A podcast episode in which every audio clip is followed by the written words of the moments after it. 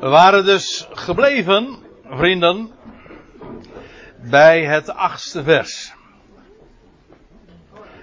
En ik denk dat dat wel een heel mooi opstapje was om nu na de pauze verder te gaan met vers 9. Weet u waarom ik het heel belangrijk vind om dit ons goed te realiseren? Wat we aan het einde van de eerste studie dus zagen om het karakter te zien van die verschrikkingen en al die dingen die uh, gaan gebeuren in verband met Israël, in verband met de volkerenwereld. Het heeft het karakter van barensweeën. Ik vind het altijd moeilijk om de juiste toon daarin aan te slaan. Omdat ik niks wil afdoen van de ernst. En, van de, en ook hoe de Bijbel in, eh, in schrille kleuren eh, dikwijls ook tekent de, de moeite, het lijden dat daarmee gepaard gaat. Maar ook juist dat uitzicht. Zonder dat idee, zonder dat uitzicht, zonder dat geopende venster, begrijp je de dingen van de eindtijd niet. Want dan denk je alleen maar van, oh, dat, dat gaat verschrikkelijk worden. Wat er allemaal boven Israël, het Midden-Oosten en deze hele wereld hangt. Allemaal donkere wolken. Ja, wacht even. Het zijn barensveeën. Met andere woorden, er is nieuw leven op komst. Dat positieve uitzicht is zo elementair. En feitelijk is dat in de hele Bijbelse boodschap het geval. Je begrijpt moeite en ellende en leed, en ook de gerichten en de oordelen van God, nooit goed zonder dat uitzicht op zijn goedheid. En sterker nog, als je niet begrijpt dat het zijn vaderhand is die het ons, ik zeg het nu met de woorden van de catechismus, die het ons uh, uit zijn vaderhand doet toekomen. Dat wil zeggen, het is een goede God die deze dingen doet en laat gebeuren. En anders, uh, als je dat uitzicht niet hebt, dan begrijp je ook nooit het karakter ervan. En dan krijg je zelfs een, een, een, een godsbeeld. En velen hebben dat. En dat is ook de, precies de moeite die ik ermee heb soms om de juiste toon aan te slaan. Omdat velen, als ze deze dingen horen en horen over de moeite en het lijden en de verschrikkingen, dat ze dan meteen denken in termen van hel en verdoemenis. Als je dat hebt, dan ken je God niet. Dan ken je God niet. Zo zwart-wit is het toch? Menno, ja, we hadden het uh, op weg hier naartoe hebben we het erover gehad. Hoe, hoe zwart-wit het evangelie is. Als je God niet kent als de goede God en dat het leven triomfeert, ken je het evangelie niet. Dat is een, uh, ja, dat is de essentie van het evangelie. Als je dat dus niet kent, ken je het evangelie niet. Dat is heel zwart-wit, maar ik ben verschrikkelijk bij en ik dank de hemel op mijn blote knietjes dat dit het evangelie is. En dat er maar weinigen zijn die het geloven, uh, dat maakt het evangelie niet minder. Integendeel. Het evangelie is juist zo groot. Het is zo groot hoe zei uh, iemand dat ooit? Het is zo groot dat het er bij, bijna niemand in wil. Hm? Goed. Al deze dingen echter, zegt de Heer dan, zijn een begin van barensweeën. En dan komt vers 9. En het is niet met opzet geweest dat we hier uh, geëindigd zijn. Het kwam gewoon zo uit. Maar het is wel zo dat vanaf vers 9 er inderdaad ook weer een nieuw thema aan de orde komt. Tot en met vers 14. En dan gaat het over de godsdienstige, specifiek de godsdienstige verdrukking die er dan ook zal zijn. Let op. En zij zullen jullie, Joodse gelovigen, dat is wat, Paul, wat de Heer hier doet. Hè. Hij spreekt zijn discipelen als, als Joodse mensen aan. Als mensen in Judea en als de gelovigen ook eh, van de tijd die uh, tegen de tijd van uh, het einde van de Aion. En ze zullen jullie overleveren. Tot in verdrukking. Ze zullen jullie doden. En ja, ik geef toe, het wordt eigenlijk wel heel voorspelbaar het verhaal, maar opnieuw gaan we weer even naar openbaring 6, want ook daar wordt dat in deze volgorde notabene ook weer beschreven. Want daar staat dit. En toen hij het vijfde zegel opende, we hebben ze tot dusver allemaal stuk voor stuk gezien, hè? Eerste, tweede, derde, vierde zegel. Nu krijg je dus het vijfde. En toen hij het vijfde zegel opende, zag ik onder het altaar de zielen van hen die geslacht waren om het woord van God. En om het getuigenis dat zij hadden. We hadden juist in de pauze nog eventjes over, over het symbolisch karakter van openbaring 6 en de wijze waarop het neergezet wordt. Over die boekrol, over die zegels, ook over die ruiters, over die paarden. Natuurlijk, alles stuk voor stuk heeft een betekenis. Niet op alles gaan we nu zo uitgebreid in.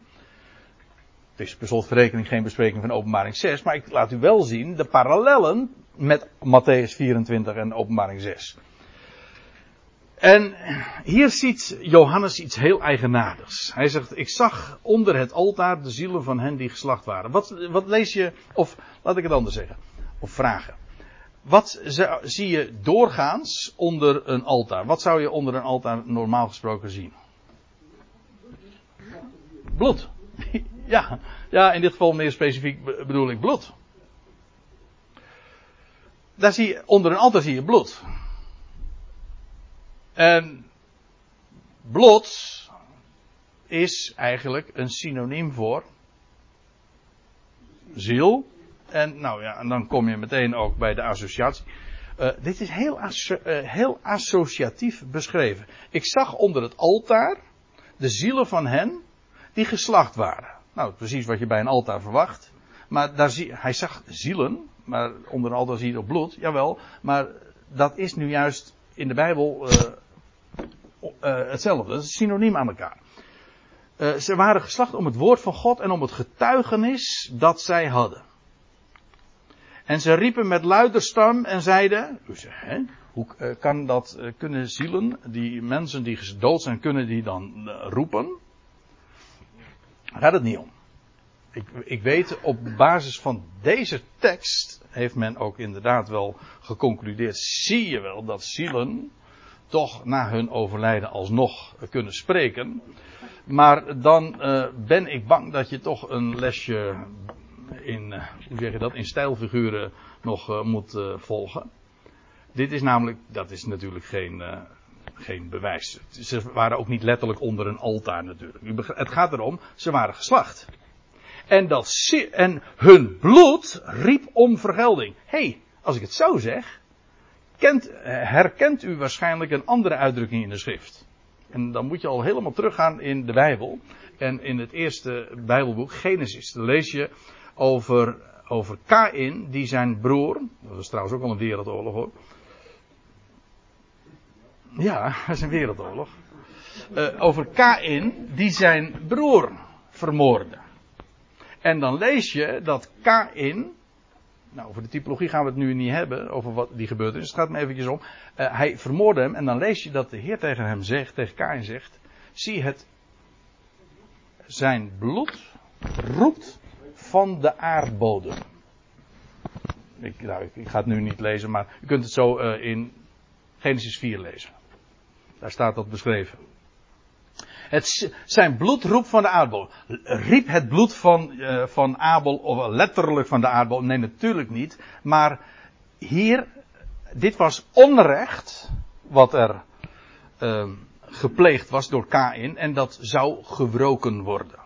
Het bloed roept om wraak. Het is onrechtmatig vergoten bloed. En God gaat recht zetten, gaat recht doen. Dat is ook heel karakteristiek van het boek Openbaring.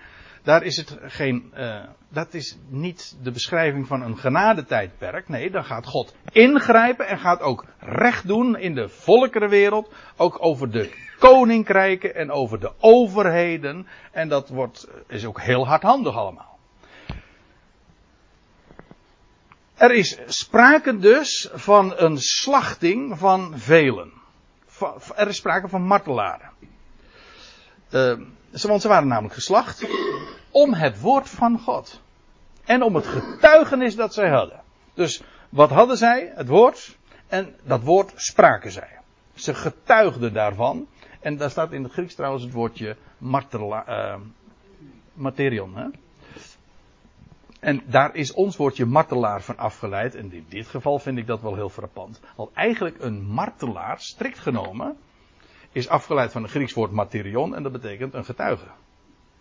Eigenlijk is een martelaar gewoon een, vanuit het Grieks benaderd, etymologisch, hè, de woordafleiding, is een getuige. Bij ons heeft het de betekenis van iemand, uh, ja misschien wel van een getuige, maar die daarom sterft. Iemand die om zijn getuigenis gedood wordt, geslacht wordt. Dan zie je eigenlijk hoe in zo'n woord, in de betekenis die zo'n woord dan krijgt, eigenlijk al iets, uh, ja, daarin zie je eigenlijk al besloten uh, hoe dat gaat wanneer je getuigt van het woord van God. Nou, dan is dit je lot. Dat wordt in deze wereld, om het eventjes heel eufemistisch te zeggen, niet geapprecieerd. Niet gewaardeerd. En vandaar, ze waren geslacht om het woord van God en om het getuigenis dat ze hadden. En ze riepen met luide stem. Dat wil zeggen dat bloedroep van de aardbodem. Tot hoe lang, o heilige en waarachtige heerser, oordeelt en wreekt gij ons bloed. Want dit was puur onrecht. Ze getuigden van, hun, van de Messias. En ze getuigden van het woord van God. En, en zij kwamen juist uh, daarom. Uh, daarom om. Ja. Uh, Oordeelt en wreekt gij ons bloed niet aan hen die op de aarde wonen. En elk hunner werd een wit gewaad gegeven en hun werd gezegd dat ze nog een korte tijd moesten rusten. Totdat ook het getal vol zou zijn van hun medeslaven en hun broeders die gedood zouden worden evenals zij. Met andere woorden, het gaat nog door. Er vindt nog, uh, zij komen, zij zijn omgekomen, maar er eerst moet dat getal van martelaren vol zijn en de tijd ook vol zijn. Er zou nog een korte tijd komen, hoe lang staat er niet, maar ze zouden nog een tijd rusten. Rusten uiteraard in het graf. En dan zou God recht doen. En, en, ook trouwens wraak hebben geoefend. Want zij roepen om wraak. Wel, dat is wat God doet. De, de dag van wraak. Ik zei het u. Heb u het plaatje nog voor u wat u uh, liet zien? Die dag van wraak moet nog aanbreken namelijk. En God gaat inderdaad wreken. Weet u wat, u weet wat wreken betekent? Wreken dat is maar niet als een, een wilde uh, om je heen slaan en betaald zetten. Maar wreken wil zeggen recht doen. En weer recht zetten. Het heeft dus een absoluut positieve betekenis. Hoe hardhandig dat dan ook mogen, mogen functioneren. In ieder geval, ze zijn verzekerd van een, een die toekomst van dat, witte gewaad. Uh, is daar uiteraard ook een uitbeelding van. Maar zij moeten nog een korte tijd rusten. Zij staan dus bij deze gelegenheid nog niet op. Dat, dat wacht nog. maar uh, het getal van hun medeslaven en de broeders die gedood zouden worden, zou dus nog uh, volgemaakt moeten worden. Goed. Uh, we gaan weer even terug naar Matthäus 24. We, opnieuw hebben we weer vastgesteld hoe, hoe naadloos het uh, aansluit bij openbaring 6. En ze zullen jullie, zegt Jezus, tot in verdrukking overleveren. En ze zullen jullie doden. En onder al de natieën zullen jullie gehaat worden vanwege de naam van mij. Dus vanwege de Messias verwachting. En onder al de natieën zal daar een enorme haat zijn.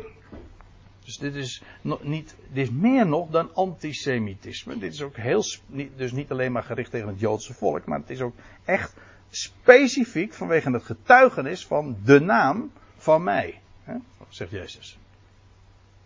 Ik ga even verder. En ze zullen jullie, en ze zullen velen, en dan zullen velen verstrikt worden en ze zullen elkaar ook overleveren en elkaar haten.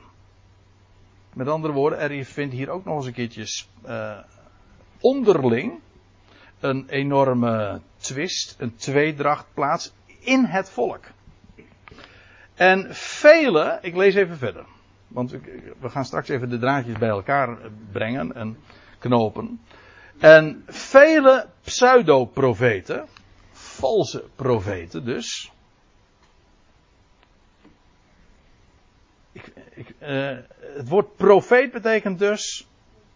Ja, iemand die het woord Gods doorgeeft. Ja, voorzeg, in het Grieks is het voorzeggers. Maar ze zullen, het, ze zullen het valselijk doen. Onder de naam van het woord van God, maar het zal vals zijn. Alle, dat is ook weer precies waar we het eerder over hadden. Die valse Christussen. De, de valse Christus. Maar alles is vals. Het is pseudo. Het lijkt echt, maar het is het niet. En dan, uh, om even in de beeldspraak te blijven, dan wed je zomaar op het verkeerde paard. Hm? En vele pseudoprofeten zullen, zullen gewekt worden. Ook hier weer. Niet zullen opstaan. Heb je hier weer hetzelfde? Hè? Niet zullen opstaan.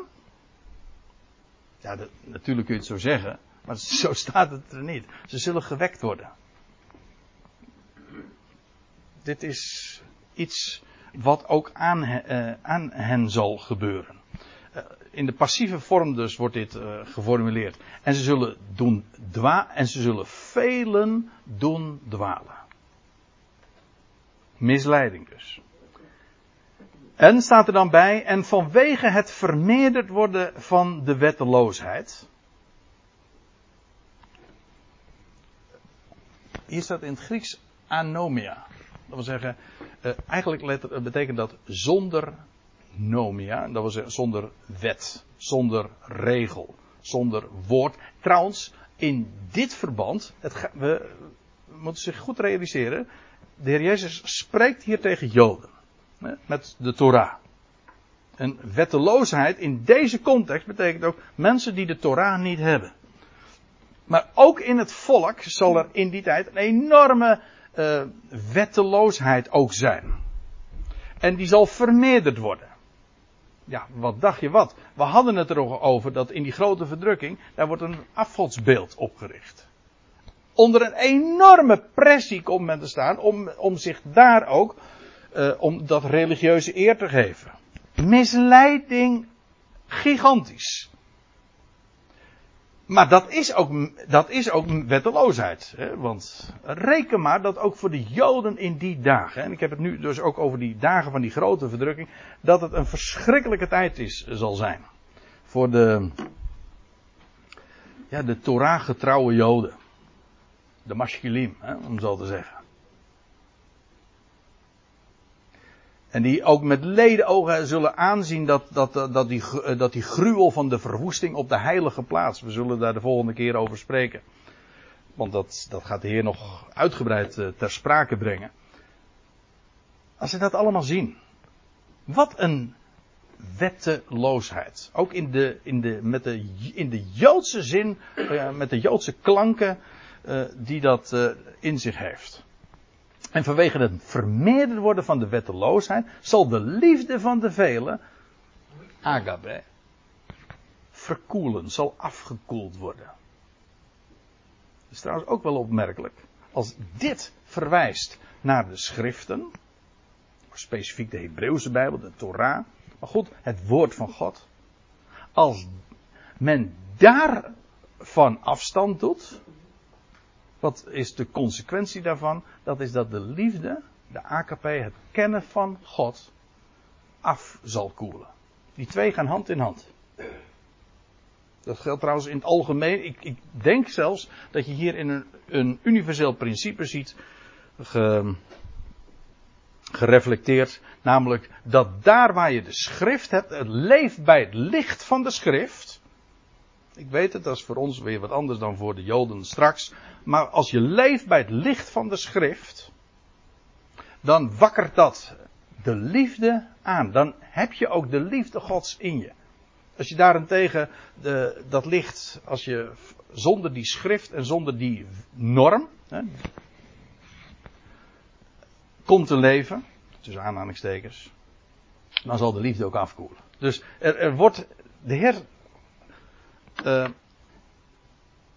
laat hier ook een, een, dat noemen ze een oorzakelijk verband zien tussen wetteloosheid en het afkoelen van de liefde. Vanwege het vermeerder worden van de wetteloosheid, zal de liefde van de velen afgekoeld worden. Dus het een, uh, veroorzaakt het ander. Dat is een ding wat zeker is. ook in dat opzicht is het niet alleen een hele duistere tijd, maar ook nog eens een keer een hele koude tijd. Zal, nou, wij spreken ook over het vuur van de liefde. Ja, maar het vuur van de liefde kan niet zonder het licht van het woord. Trouwens, als ik er zo over nadenk, dan ligt de associatie helemaal voor de hand. Hè? Want licht is warmte. En daar waar het duister wordt, dan wordt het ook koud. Ik zit eraan te denken, in, in Romeinen 1 lees je dat ook over de. En dat is omdat, uh, omdat ze God, omdat zij, dan gaat het over de heidenwereld, omdat ze God niet als God verheerlijken of danken, hebben, uh, wordt het, is het duister geworden in hun onverstandig hart en zijn hun redeneringen op niets uitgelopen. Ja. Het is duister, maar daarmee ook koud geworden. Nou goed. Dat beschrijft dus heel specifiek die tijd, uh, ook in morele zin, in, of in mentale zin, of psychologische, geestelijke zin, hoe je het maar zeggen wil. Maar, en dan komt de tegenstelling. Maar wie verduurt tot in het einde, of tot in einde, die zal gered worden. Dat in de NBG-vertaling, zo wordt het meestal trouwens weergegeven met volharden, maar is dat eigenlijk verduren. Dat is een groot verschil. Nou ja, het is een subtiel verschil. Volharden heeft te maken met dat je volhoudt. Verduren wil zeggen dat je een heleboel ondergaat. En dat je het ook verduurt en dat je er, zoals uh, uh, we dat ook wel zeggen tegen elkaar, eronder blijft staan. Dat je het, dat je het kunt verduren. Dus al die omstandigheden, alle tegenkrachten, je verduurt het. En dat, en dat heeft ook alles te maken met het uitzicht. Je kunt, hoe, hoe kun je verduren? Omdat je uitzicht hebt op dat einde. Je weet, hier komt een einde aan. En er komt een nieuwe tijd. Dit zijn geboorteweeën, barensweeën. Wie verduurt tot einde, die zal gered worden. Dat zijn ook degenen die het licht van het woord hebben.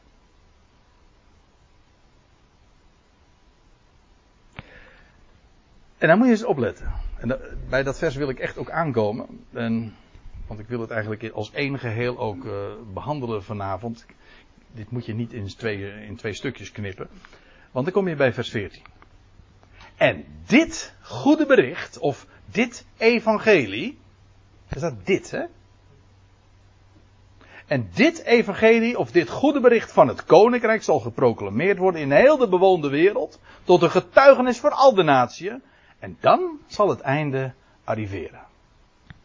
Heel letterlijk zo uh, beschreven. Maar let even uh, op. Eerst even het uh, begin. En dit goede bericht. Hoezo? Dit goede bericht. Welk goede bericht?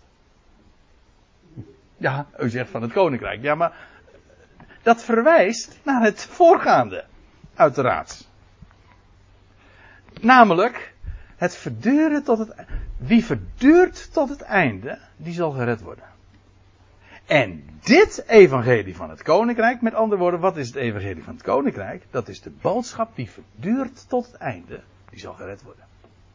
Dit geeft trouwens ook aan dat dit allemaal in, dat dat evangelie van het koninkrijk in één generatie ge, gepredikt zal worden. Degene die dit te horen krijgt, die zegt van, als, wanneer we verduren, wanneer we al deze verschrikkingen over ons heen laten komen, maar we verduren,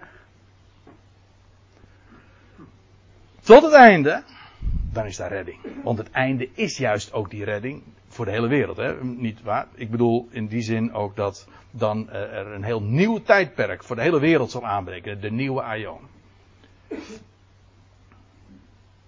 Het evangelie van het koninkrijk, dat is niet, ik weet, daar wordt heel dikwijls anders over geoordeeld. Maar dat is heel specifiek een bericht, een heel goed bericht, dat niet vandaag gepredikt wordt. Oké, we spreken ook vandaag over het koninkrijk. Maar dit evangelie van het koninkrijk zal dan verkondigd worden. Namelijk in die, in die tijd die de Heer Jezus hier beschrijft in Matthäus 24. En dat zal gepredikt worden, zal, zal geproclameerd worden in heel de bewoonde wereld. Eigenlijk in de oikomene. Dat is het woord wat hier gebruikt wordt. Ons woord eukumene, dat is hiervan afgeleid. En dat betekent uh, specifiek de bewoonde wereld. Met andere woorden, er zal een prediking gaan plaatsvinden. Dit is uiteraard, laat ik dat er nog even bij zeggen, niet in de tijd van die 42 maanden. Dat kan niet. Dit, dit gaat veel verder. Want pas als Israël tot inzicht zal gekomen zijn van de Messias, hè, en, en de Messias zich aan hen bekendgemaakt zal hebben, ja, dan zullen ze het in de wereld ook kunnen gaan prediken. En dat gaan ze ook doen. En dan zal, ze, zal dat ook zijn tot een getuigenis voor al de natie. En dan zal het einde arriveren. Precies waar ook het laatste, de laatste versen van Matthäus 28 over spreken. Ga heen, maak al de volkeren tot mijn discipelen. En ik ben met je tot aan de voltooiing van de aion. En zie, hè, zie, ik ben met je tot aan de voltooiing van de aion. Dat heeft te maken met die periode, die generatie. Daar gaat een dat is, dat is uh, wat we vandaag uh, gepredikt wordt in onze dagen. Dat is het goede bericht van Gods genade. Dit evangelie van het goede, pardon, dit evangelie van het koninkrijk. Dat heeft te maken met die tijd. Ik hoop dat dat toch, dat kwartje wel uh, geval is. Dat is. Ik denk dat het heel elementair is om dit, deze uitdrukking en die term, het evangelie van het koninkrijk, te begrijpen. En dit is trouwens ook weer komt overeen met een zegel, maar dan niet in openbaring 6, maar in openbaring 7. Daar moeten we nog even naartoe gaan. En u zegt, hé hey André, maar jij vergeet nu het zesde zegel. Haha, ja, maar dat ligt er ook tussen. En dat wordt inderdaad hier overgeslagen. En daar gaat de Heer vervolgens in het vanaf vers 15 tot 31, maar ik had het al even aangegeven. Daar gaat hij juist dan ook uitgebreid op in.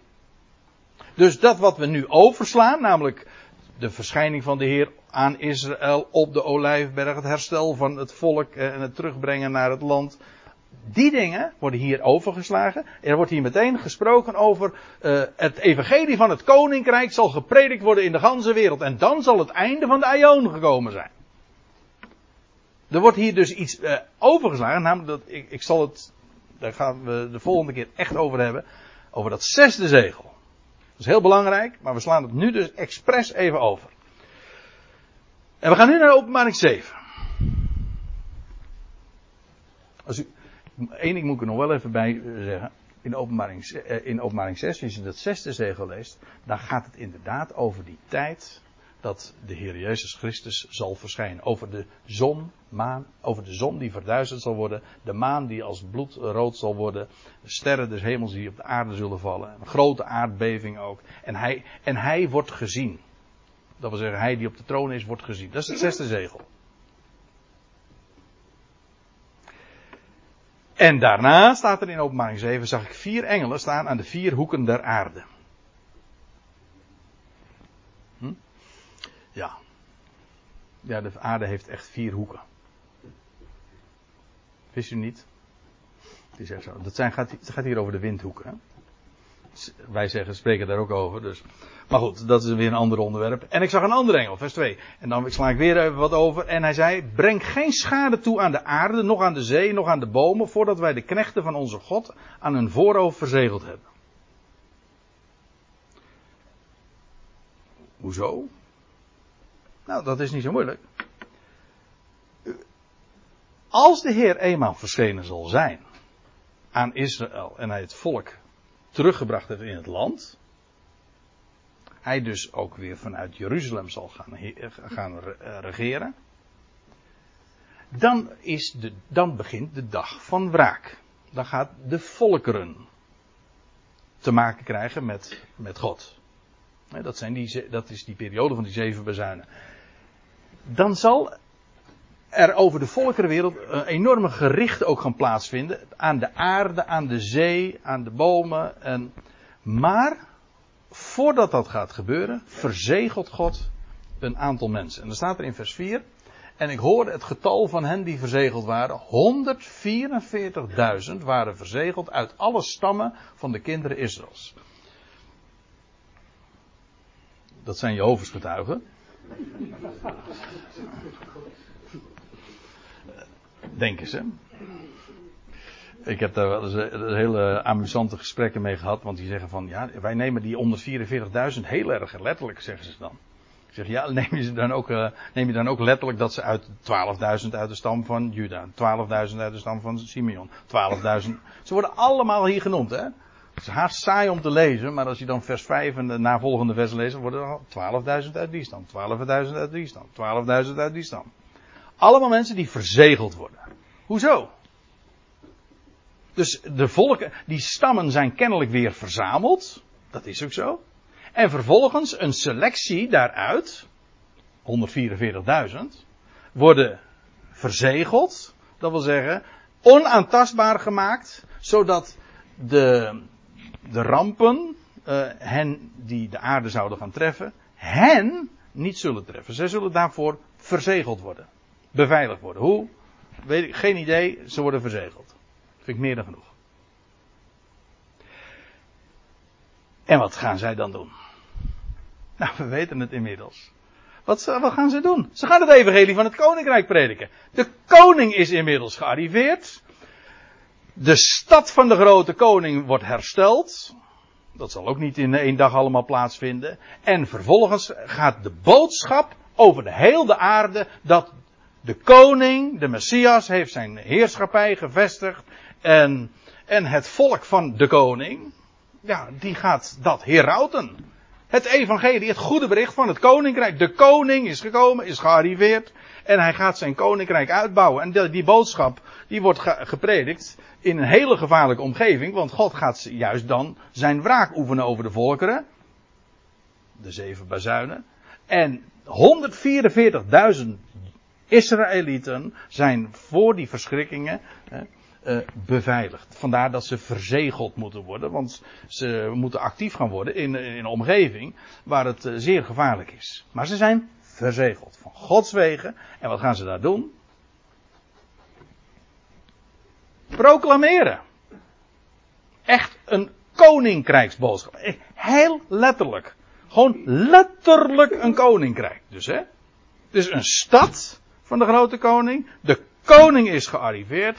En hij, is inmiddels koning in Israël. En hij gaat vanaf zijn troon, gaat de zoon zijn heerschappij vestigen over de hele wereld. En dat gaat in één generatie gebeuren. Dit evangelie van het koninkrijk zal gepredikt worden over de hele wereld. En dan zal het einde gekomen zijn. Hè? Dat is, en dat, eh, dan wordt, dat is de grote opdracht. Hè?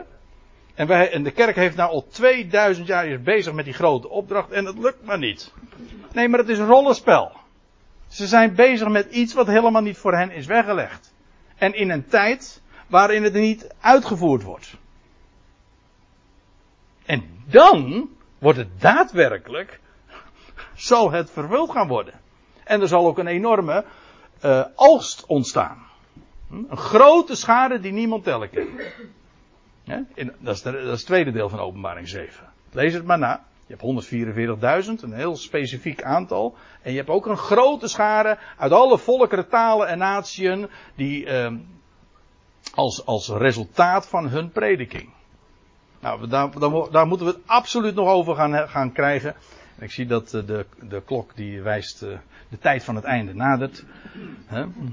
Dus ik kan niet al te lang daarover doorgaan. Maar ik wil een, um, er staat nog bij, en dit goede bericht, en dit goede bericht van het koninkrijk zal gepro geproclameerd worden in heel de bewoonde wereld. Tot een getuigenis voor al de natie. En dan zal het einde arriveren. Zijn gekomen. Nee, nee, zal arriveren. Nou. Wat we hebben gezien, we hebben nogal uitgebreid stilgestaan, nou wat heet, maar in ieder geval we hebben stilgestaan bij de parallel met de zeven zegels Je hebt het eerste zegel, het witte paard, schijnvrede. Tweede zegel, het rode paard, de oorlog. Derde zegel, dit was die periode van vrede. En dan die grote verdrukking. Oorlog, hongersnood, pestilentie. De zielen onder het al grote verdrukking om het getuigenis. Eerst in het land en vervolgens ook wereldwijd. Het zesde zegel, dat is, ja, daar hebben we het dus niet over gehad, maar daar gaan we het nog wel over hebben. Dat is, uh, dit is de verschijning van de Heer op de Olijfberg. Dat is namelijk het teken van zon, maan en sterren. En als je niet geloven wil, wel lees het maar na in Matthäus 24. Ook daar gaan we het nog uitgebreid over hebben. Het is een belangrijk onderwerp. En dan begint de dag van toren. Staat er gewoon bij in, in, uh, in, in openbaring 6. Want de grote dag van hun toren is gekomen.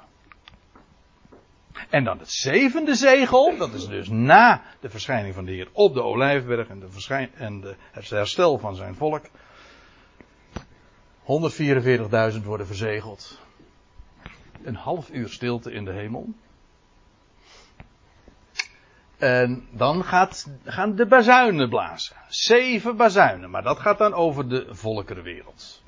Dus, om het allemaal nog een keertje op een rijtje te zetten. De, dus je hebt hier de, de zegels. Ook hier heb ik het zesde zegel expres even weggelaten. Nou, die hebben we net gezien. En de parallellen, die hebben we gewoon zelfs in dezelfde volgorde in Matthäus 24 gezien. Vrede. Ja, de Heer had gezegd: Kijk uit dat niemand jullie zou doen verdwalen, want het is een schijnvrede. Het is uh, oorlog. Oorlogen en geruchten van oorlogen. Hongersnoden. Het derde, het derde zegel.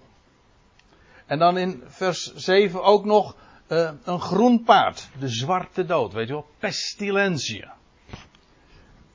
En dan zielen onder het altaar. Een groot verdrukking, grote verdrukking vanwege het getuigenis. Wel, jullie zullen gehaat worden vanwege mijn naam.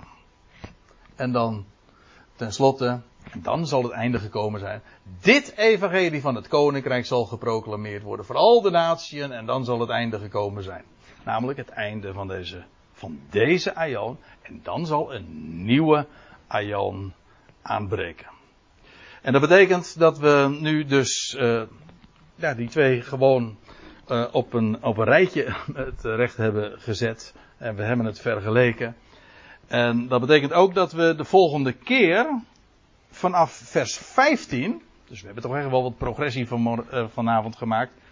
Dat we de volgende keer met vers 15 verder kunnen gaan en gaan inzoomen op specifiek die 42 maanden, die grote verdrukking voor Israël. Maar dat is weer een heel onderwerp apart zullen we het hierbij laten.